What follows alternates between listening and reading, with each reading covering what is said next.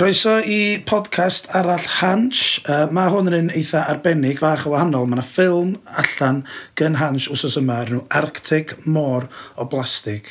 A efo fi mae Mari Hughes sydd wedi bod allan yn wneud y ffilm hyn. Helo Mari. Helo. Sut ydw ti? Iawn, diolch ti nawr. Yndw ta. Yn sydyn, sa'ch ti'n gallu esbonio be di synopsis y ffilm a, a am be yma siarad? Plastig yn golchi fyny yn yr Arctic a fi yn mynd i ffeindio allan extent y broblem. So, y teitl, basically, Arctic Môr y Blastig. Ie. Yeah.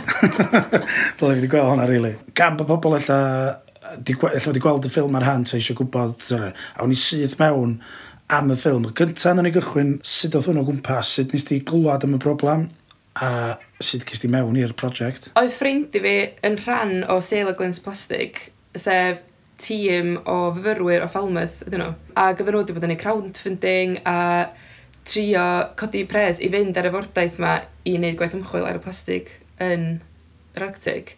So ni wedi bod yn dilyn hyn ers y mis Medi, a dilyn nhw ar Facebook, a cefnogi nhw, ac yn amlwg oedd yn beth hollol, oedd yn oedd mor disconnected ohono fi, a ni sy'n nabod Ben, a jyst meddwl bod yn amazing bod yn neud o. Ie, ie. Um, es i enllu mis Ebrill, sydd ben wsos hir, a oedd Ben adra, Ben yn byw difagu ar enllu. A ni siarad efo amdano peth, dweud, flip ti'n mynd yn mental, bod chdi mynd i'r Arctic i wneud prosiect mor bwysig, a wedyn eithaf gynnig i fi fynd efo nhw. So, yn amlwg, o'n i fatha, ia, please, a we, a nath o jyst digwydd mor sydyn, a ti'n gwybod, ebyn ganol mae hefyn, o'n i ar y gwch ma yn yr Arctic.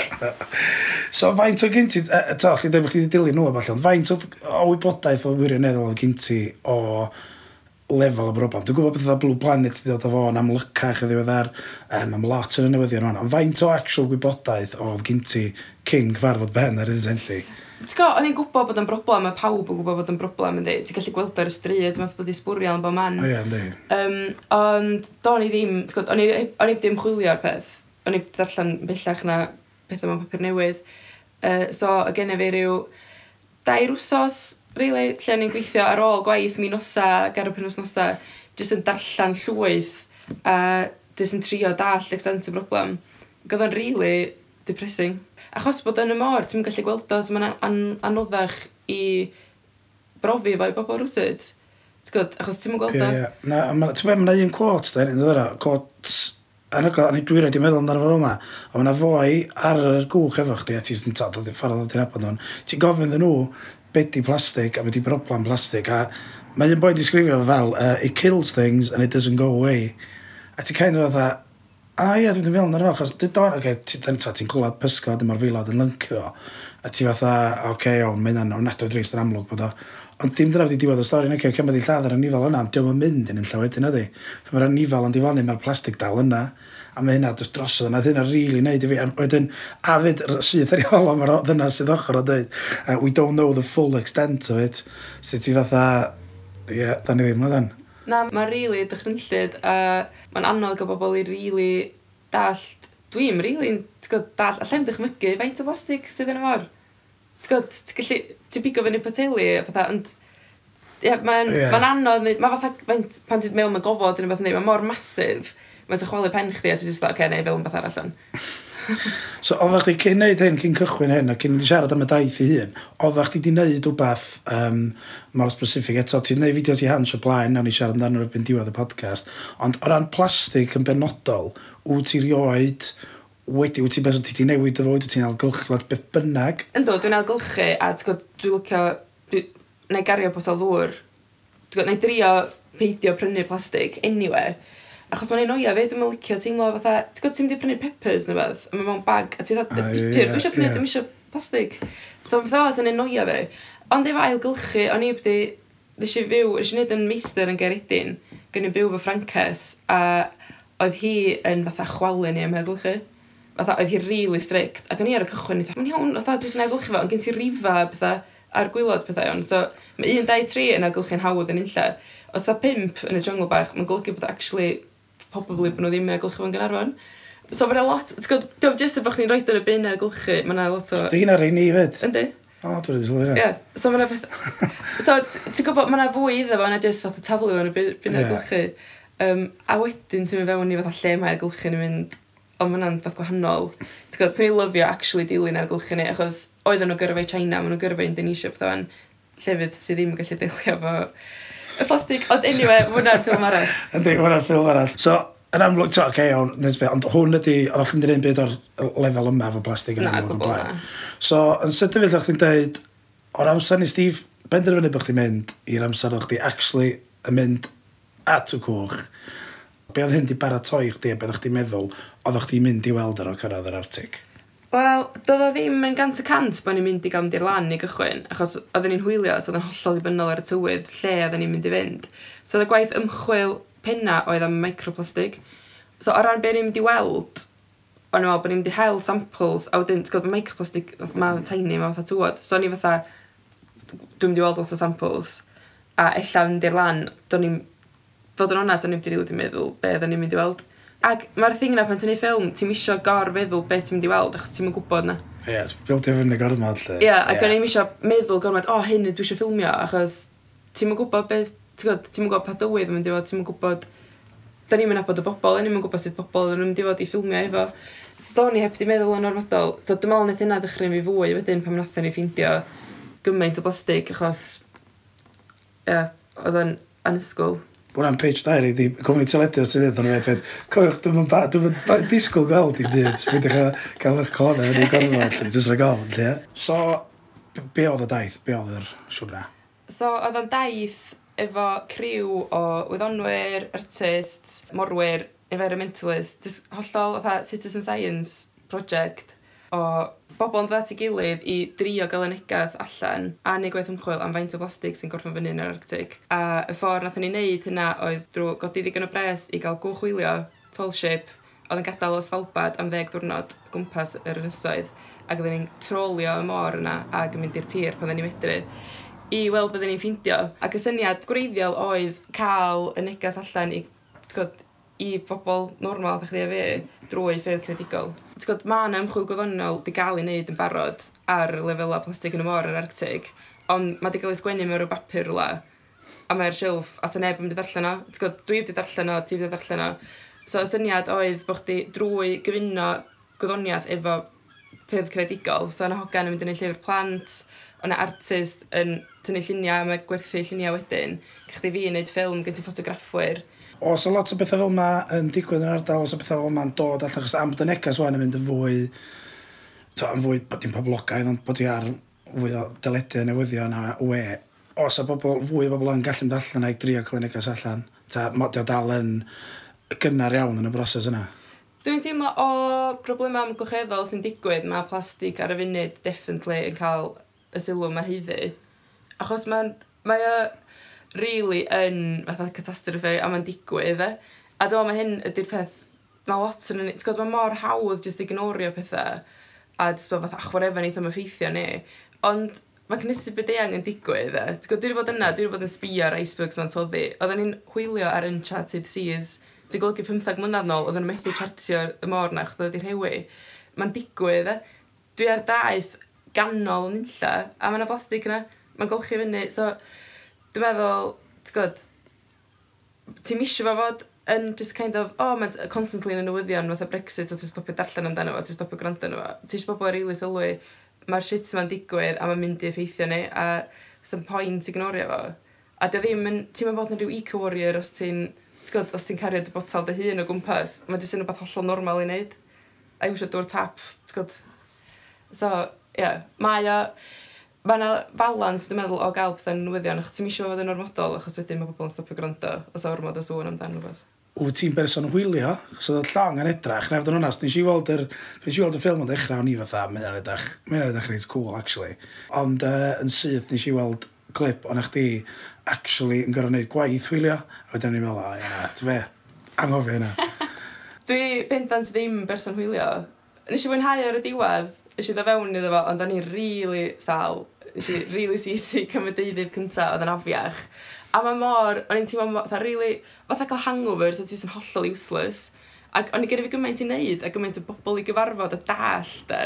A nes i just, o'n i'n wiped out am fatha 24 awr, ac am 24 awr wedyn, o'n i'n just yn teimlo'n, uh, o'n i'n fi'n hun, ond o'n i'n iawn wedyn. So oedden, oedden ni'n hwylio, so chdi efo shift chdi, 4 awr on, 8 awr off, 24 awr. So, yn yr 8 awr off chdi, ddech chi eisiau trio da, bita, cysgu, neud y ffilm, a wedyn shift 4 awr ych chi'n hwylio. Oedd o'n mental. Full on. Ac oedd chdi wirioneddol, oedd chdi wirioneddol sal lle oedd chdi go iawn. O'n i'n projectile vomiting a o'n i'n methu bita na efad ac o'n i'n gorfod, gorfod lawr. Ti di cael beth fel o blaen? Na. Y blaw am hangover. Blaw hangover. blaw hangover. Na, oedd o'n... Oedd beth gweitha, oedd ti'n, pan si gyrraedd, de, oedd yn cyrraedd ar y flight am ddau gloch bora, ac oedd hi'n stunning, ac oedd hi fatha t'r hael ma, ac oedd hi gwirioni, o'n i mor excited, o'n i dda ideal, dim ond angen cysgu rhyw 5 awr, ac oedd jyst fod yn effro'r holl amser. A jyst fatha wal ar ôl rhyw 7 awr o hwylio. Ac oedd yn eitha embarrassing, achos oedd hi'n really flat. so oedd hi'n fatha, so o'n i'n really embarrassed, a just yn useless ac yn gwybod bod gen i ffilm i wneud. Oedd rhywun arall, oedd pobl eraill oedd efo chdi i gyd, chos yna grŵp mawr o'n chi yna, ond rhywun arall hefyd yn mynd drwy hyn, lle. So, fi na ffisgyn gynta. Um, so, oedd, bobl, oedd pawb drwy ryw gyfnod y dim ond sal. Mae'n iawn, lle dydi. Oedd o'n iawn, ond on, be nes i ddysgu efo sea secret tablets, ti'n gorfod cymryd nhw cyn chdi oedd yn sal. So, dwi'n fatha paracetamol, lle ti'n dda, o, gyfer cyr pen, dwi'n mynd i gymryd o fan. Unwaith ti'n teimlo'n sal, mae'n rhy hwyr, ti'n sal. So, nes i ddysgu yn cymryd cyn i hwylio am gyfnodau hir, chos yn y gyfnodau lle dyn ni'n hwylio non-stop am 24 awr, o'n i'n cymryd tablet. O'n i'n gweld y fideo, mae'r tri diwrnod cynta just hwylio oedd o. Uh. Os ti'n gweld tir, a fe. So ddim ar uh, salwch di mynd ar y fideo. O'n i'n sylwi fod hynny wedi cael ei dynnu allan. Ond uh, fel ysdi wedi chwarae teg yna cyn i'n recordio, um, oedd gen ti bethau pwysicach i reid yn y ffilm chwarae teg na jyst chdi'n... Ie, yeah, pam... So ni'n gallu gwneud ffilm o jyst, god, jyst selfies o'n y fi yn edrych yn horrendous am ddeg diwrnod, ac yn edrych fwy a fwy gwyllt a fferl wrth i'r ffilmio fynd yn ei mlaen. Ond dim dyna y pwynt y ffilm na, so... Yna grŵp mor ach, faint sy'n ar, y, ar y cwch? So ar y gwch, yna 24 yn hynny gyd. 24. O, sut beth oedd o ta i... Ta, o'ch mewn cwch yn mynd, a talwch ar ben yn wrth gwrs, ond ta, ddech chi'n mynd i'r la i ganol unlla, ac ydy gymaint o bobl ar un cwch mewn quarters eitha bach, ddech chi cael teimlad fel o blaen? Na, fatha, o'n i ges i lai o gabin ffifr nag o'n i'n meddwl sy'n ni'n cael. O'n i'n meddwl sy'n ni'n rili really fatha, chod o beth berson eitha actif, gwneud redag a nofio a mynd i fynydda felly. So o'n i'n meddwl sy'n ni'n eitha frustrated fel la. Ond achos bod ni'n hwylio, doedd eich ddim, ag achos bod chdi allan yn oer, gwybod, oedd yr ochr yna'n iawn. Ond o ran efo'r bobl, um, oedd am ni, o'ch ti efo dim prifatrwydd, ges i siod stro, so o'n i'n byw efo'r criw hefyd, gyf, o rhan fwyaf bobl wedi cael cabin na. So ie, yeah, gen i nhw fatha on suite a bunk dau mewn, ond o'n i'n blwyddyn blaen y gwch efo'r criw.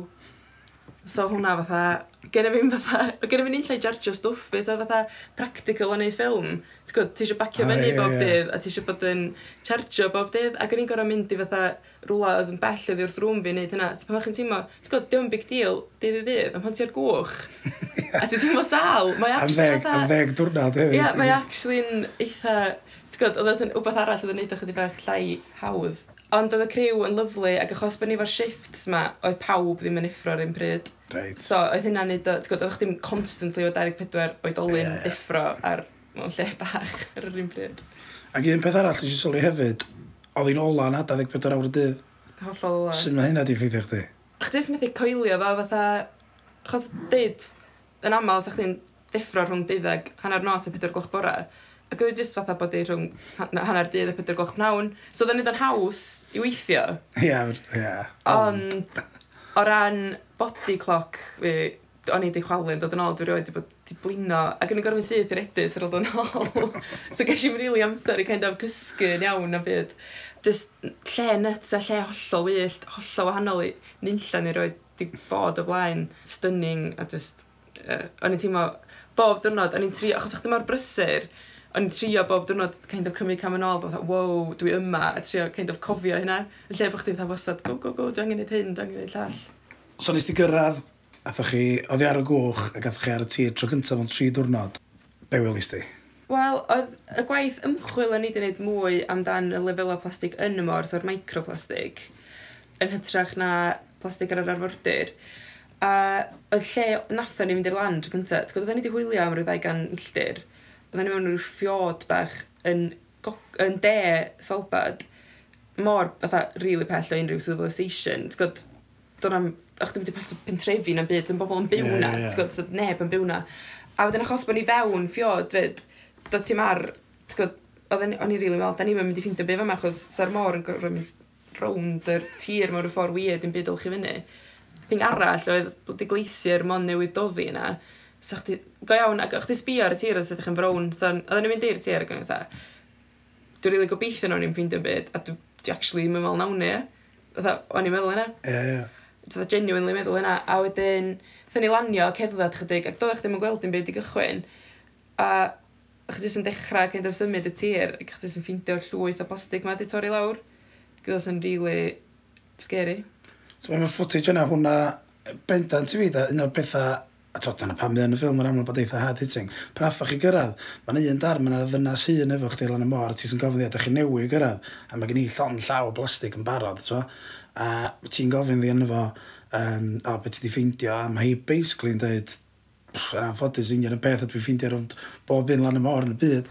A fydda ti'n dweud, achos ti'n eto'n dangos yn y fideo, ti'n dangos lleda chi, a ti'n ganol nynlla, diolch yn draeth twristiaeth, diolch yn draeth, lle mae pobl wedi bod yna cael picnic na'n byd, so.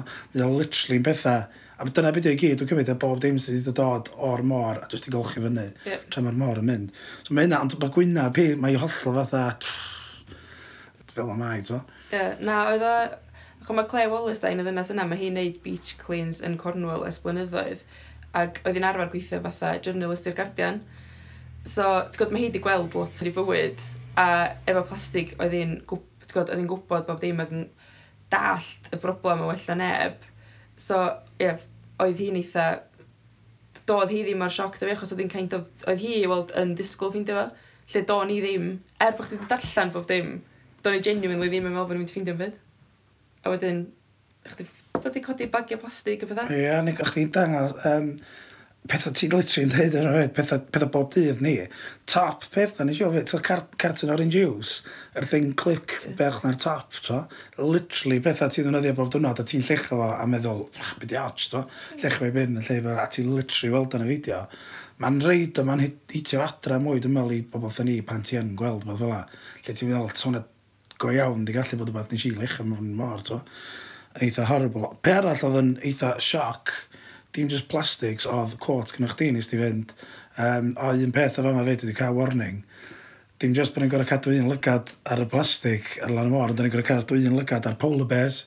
Mwy o polar bears na bobl. Um, ia, yeah, real, ti'n gwybod, lle hollol wyll, de? Ia. Yeah. A fatha, mae Claire yn deud yn y ffilm, a ti'n gwybod, mae lot o reports o uh, polar bears yn bita polystyrene a felly.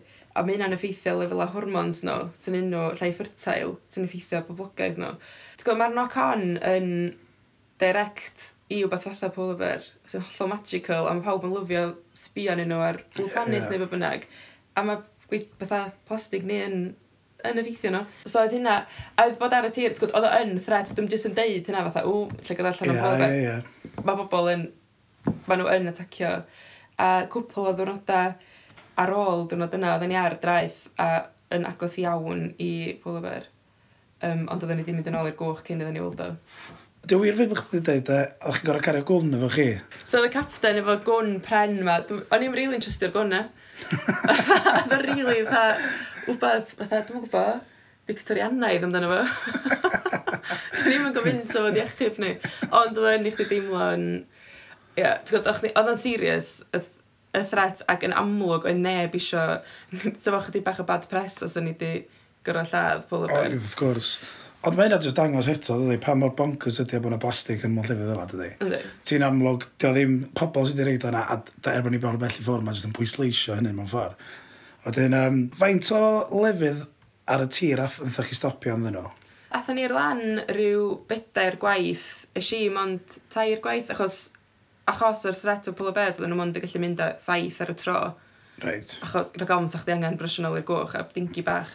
A gathen nhw ffindio plastig yn bob lleoliad. E, dyna bod ni'n diofyn rhan, oedd o yn dioddol o ydy o neu gweneth fod y ceryn sydd yn ei gweneth fod ydy o'n eitha effernol yn bob man, lle. Mae'r ceryn bendant yn gwybod, mae'n cario fo i rei llefydd fwy na'r llefydd eraill. So, y traeth cyntaf nath ni oedd y gweitha, ond oedd na blastig yn bob bob lleoliad nath nhw fynd i'r lan. Be oedd y peth mwyaf sioc, neu be nes ti weld nath kind of hitio fo adra? Dys fatha sy'n deud y pethau da ni'n defnyddio, fatha topio boteli a boteli plastig. Uh, a just, y peth, y peth gweithio beth ydi angen. So ti'n gwybod, fatha, fatha, oedd un traeth pan ddyn ni weld uh, footprint y polar bear. So, o'na ddim, ti'n gwybod, ôl troi dyn ar y traeth yna. Mae'n siŵr bod o'na neb wedi bod yna ers, ti'n gwybod, lle bod na neb wedi bod ar y tir ers blynyddoedd. Yeah, yeah. A so gen ti ôl troi bloody polar bear a coffee stirrer. A ti'n gwybod ti jyst fatha, sut, dyna mynd dim sens na. Ond na adegau lle ni ti'n rili really blin, achos ti'n dweud hyn, pam bod hyn yn digwydd, dda, yeah. dio ddim angen bod yn digwydd. O, dy wir, dy, mae mond 5% o blastig sy'n cael ei ffeindio ar lan y môr ond y byd. Mae 94% o'n efo yn mynd i gwylod y môr. Yeah, mae'r rhan fwyaf yn fan syddo sydd yn o'n... Fe sy'n dechrau'n llyd, ynddi? Ynddi. Achos allai di ddim meddwl amdan y sgel. Wel, rhyfedd eich di dweud hynna, achos ffaith arall sydd yna fo, ydy, mae'n dweud yn, yn fe hefyd, de, erbyn 2050, fydd na fwy o blastig yn y môr na sy'n o bysgod. Hwna'n ffaith, to, ffaith oedd yn y ffilm, yn y ffilm. Wan, be with me yma, si trwy esbonio hyn i Elis yn swyddfa gyna na thom gael o. Okay, so gen i weld os ti'n gael o fan So, be nes i oedd, mae yna 3.5 triliwn pysgod yn y byd. So fe nes i o, nes i newid pysgod i eiliadau i fi ddall. Dwi'n dall blynyddoedd y fwy na dwi'n dall rhifa fel yr arfer. Dwi wedi gweithio allan, os ti'n 1 miliwn eiliad, sa'ch chi'n gyrra cyfri am 11 diwrnod a hanner. Os fysa i gyrraedd 1 biliwn, sa'ch chi'n gyrra cyfri am 32 mlynedd yn solad. Just 1 biliwn dyna. Wan, da ni'n di cyrraedd triliwn eto, 3.5 triliwn dyn. I gyrraedd 1 triliwn o eiliadau, sa'ch chi'n gyrra cyfri am 32,000 o flynyddoedd. Ond i gyda 3.5 triliwn, sef faint o bysgod sydd yn y môr, sy'n rhaid i gyfri am 112 o fil o flynyddoedd. So dyna faint di triliwn. Dys drwy hwn, fel a dwi'n gweithio rownd ym hen. So mae hynna faint o bysgod. Ie. Yeah, a da ni... Ie, yeah, beth sy'n yeah. mental iawn, so ti'n cyfri am 112,000 o fynyddoedd. Exact. Ond y stat yna cyfeirio at pwysau'r pysgod mae o. So os ti'n meddwl... So mae fwy? Mae fwy. Chos os ti'n meddwl, os di bob pysgod, di, ti'n faint... So beth di hwnna? So, sorry. Grams. So, Fy na, fy fwy o blastig mewn pwysa na sy'n o bysgod. Bysgod, ie. Chos... Chos di bota blastig mewn pwysa yn byd, na di? Na. A mae'r plastig yna i gyd yn, oh. yn cael ei dorri lawr gan y môr dros y blynyddoedd i tan yr diwedd mae jyst fatha tywod sy'n cael ei fita gan bysgod a yn y diwedd ni sy'n bita'r pysgod. Oh, sgyn i'n sgyn i'n sgyn i'n math sy, sgyn i'n math sy ddigyrraedd hynny. Mae bob stat ar y beth, mae'n eitha sioking. Yeah. Ti'n ti glwad amdano fo drwy'r adag, ond mae hwn, cyn i gyrraedd y stat, so chdi'n esbonio ni, plastig micro, neu plastig micro, be di plastig micro i ddechrau?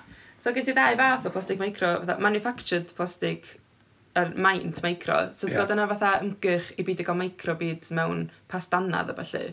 So fatha dwy flynedd nôl oedd lot o gwmnïau siampŵs a fatha cosmetics yn defnyddio darna bach bach o blastig fatha exfoliant. Right. A wedyn, obviously, nath nhw sylwi, mae hyn jyst yn cael ei gylchu fewn i system ddŵr. So nhw'n gwneud hynna'n anghyfreithlon yna. So gen ti'r plastig yna, sy'n microplastig, ond gen ti hefyd yr holl plastig arall sy'n torri lawr. T'w gwybod, fatha mae tywod oedden nhw'n arfer bod yn gregin ac yn greigiau, mae wedi cael ei dorri lawr i fod yn dywod yeah. yn y mor. Yeah. Mae yna'n digwydd i'r plastig. Mae yna gymaint o reports o adar a uh, pysgod yn bita y microplastig ma, a fel mae'n mynd fewn i'r gadwyn fwyd, ac wrth gwrs ni sy'n bita y pysgod. Ie, yeah, so mae hwnna'r ddau fe, achos mae'r un thing ddech chi'n siarad narna fa, di plankton wrth gwrs.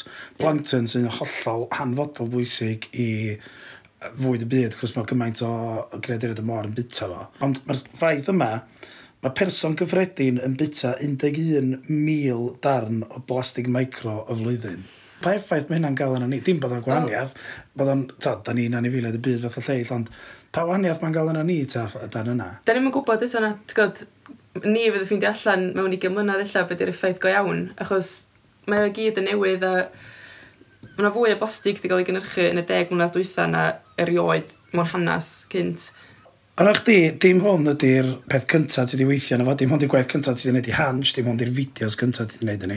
Um, mi nes ti hefyd weithio ar olew drwg, um, fideos yn Indonesia. So, esbonio sydyn i ni be, be oedd hynny a um, sut nes ti gael mewn hynna? So llynydd es i i Indonesia i wneud prosiect dogfennol am palm oil a effaith palm oil ar fywyd gwell ar ymgylchedd a pobl yna. A un math o beth o hwnna, ni'n darllen amdan y broblem yma. Dwi'n darllen amdano achos gynnu fi ddiddordeb, ond di bobl ddim necessarily yn, a gwni jyst eisiau ffeindio allan mwy a bod yn dyst i'r broblem, so nes i bwcio flight i Indonesia a ffilmio efo pobl a wneud ffilm ohono fo.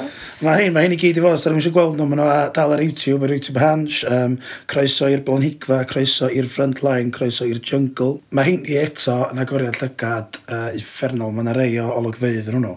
Ti'n canol, dim canolbwyntio, ond ti'n enwi drwy'r adag faint o anifeiliaid gwahanol. Mae orang y tangs yn cael un uffernol, mae yna ma olygfeidd. Ma o be, sut maen nhw'n cael ei ffeithio, sut maen nhw'n marw. Dwi'n na i mewn iddo fo, gewch chi weld ar y fideos yn union beth sy'n digwydd o, mae o'n absolutely effernol. Un dan eto, yr un sy'n effeithio chdi fwy, dwi'n meddwl fo hwnnw, di ti'n mynd o gwmpas siop a ti basically just yn sydyn mewn un montage just dangos bob dim sy'n dynyddio fath, fath o palm oil a ti'n mynd at ta, da ni'n gwybod, o'n i'n gwybod amdano fo a fod yn allan at tan i fi weld y fideos di Dio ddim cweith mor sexy a plastig yn y mor a dio ddim mor dwi'n gwybod, mae fatha Mae'n broblem mor enfawr ac eto ti sy'n dod i'r nôl i'r fatha ochr pres o stwff e. Mae ddiwydiant ofnadwy o ariangar sydd yn neud lot o bres i gwmnïau mawr. Yeah. So dyn nhw'n rili really eisiau bobl wybod amdano fo, dyn nhw'n eisiau gorau sortio'r broblem achos mae'n neud pres i bobl. Drwy wneud prosiectau fel yma, mae'n eich di rili really cynical. achos i jyst yn gweld pa mor barod ydy bobl i hollol rwy'n o'r byd naturiol er mwyn neud pres, profit, a dyna dio, ti'n dyna pan da ni'n defnyddio plastig, achos mae'n rhatach i gwmnïau yn aml roed beth mewn pacad, lle achos bod o'n gwerthu well, na fysa fo i roed mewn bagio papur. So, ie, yeah, lle mewn cwpl blynyddoedd yn berson ofnadwy o flin. Ti di bod yn berson fel marioed, ta ydy o'n rhywbeth yna chdi sy'n just fel mae'n digwydd ar y pryd, chos mae'r ddau beth ti'n siarad yn arno fo hwnna, nes ti ddarllen yn palm oil, a nes ti benderfynu stuff it, bynnu ffleit yna, a chdi digwydd bod yn y sentli a ti siarad efo rhywun sy'n dweud dwi'n mynd i'r artig gwylio'n blastig a bod chdi'n mynd stwffio fo neis nesaf dwi'n defo chdi. Dwi'n poeni, dwi'n yeah, lot yeah. o hyn, dwi'n actually'n poeni. So dwi'n mae hynna rhan o'n efo, just kind of isio trio gwneud rhywbeth. A dwi'n berson, dwi wastad wedi cael kind of dilemma, mae'n heili yn nodw wyddonol, e. dwi ddim. A kind of teimlo'n useless, that, ti'n gwybod, teimlo kind of, ffod, dwi'n methu neud i byd yn broblem, a lle gwybod, mae brawd fi'n neud um, fatha geology a felly. So mae o, allu ddo actually gweithio yn y maes a ffeindio ffordd well o neud pethau fwy cynhod. Dwi'n mynd i neud yna. O wedi sylwi, allan ei ffilms amdano fo ac illa gael y negas allan ei fwy o bobl. Dwi'n meddwl, mae dy sbyd ma'n amazing. A dwi'n meddwl, sa pawb yn trilio mwy amser tu allan. Jyst bod neidio yn ei llyn i'r môr. A sa bobl yn dechrau gwrthorogi beth sy'n yna, A bod llai tu fewn. Alla sa pawb yn poeni chydig bach mwy. A gweld beth sy'n yna i warchod dwi, mae tyma'r ffeithio dwi wedi weld heddiw, yr unig reswm dwi wedi cael no ydy drwy fideos ti wedi gwneud. So'n amlwg, mae di effeithio un person. yeah. Dwi'n dweud, mae gen i botel ddŵr ar bwrdd. Dwi wedi teimlo rili really drwg drwy'r podcast fe i gyd yn recordio fe. Uh, cwestiwn amlyca, dwi'n eitha siwr mae pob di ofyn i chdi, a dwi'n mynd i ofyn achos dwi'n very original, ydy be nesa? Dwi'n gwybod eto. Just gweld, gweld be nes ond fel, fel ti'n gallu gweld, dwi jyst yn go with the flow a gweld beth sy'n dod. Dwi'n meddwl lot o hyn am fatha roed yn hyn o'n sefyllfaidd, bod yn agored i wbeth ddigwydd e. Yeah. Um, a jyst wastad bod gofyn y cwestiynau a bod efo diddordeb mewn stwff a bod yn barod i adael y stori. Os dwi'n meddwl bod beth angen i ddeud, lle fi fatha filmmaker ydy deud y stori.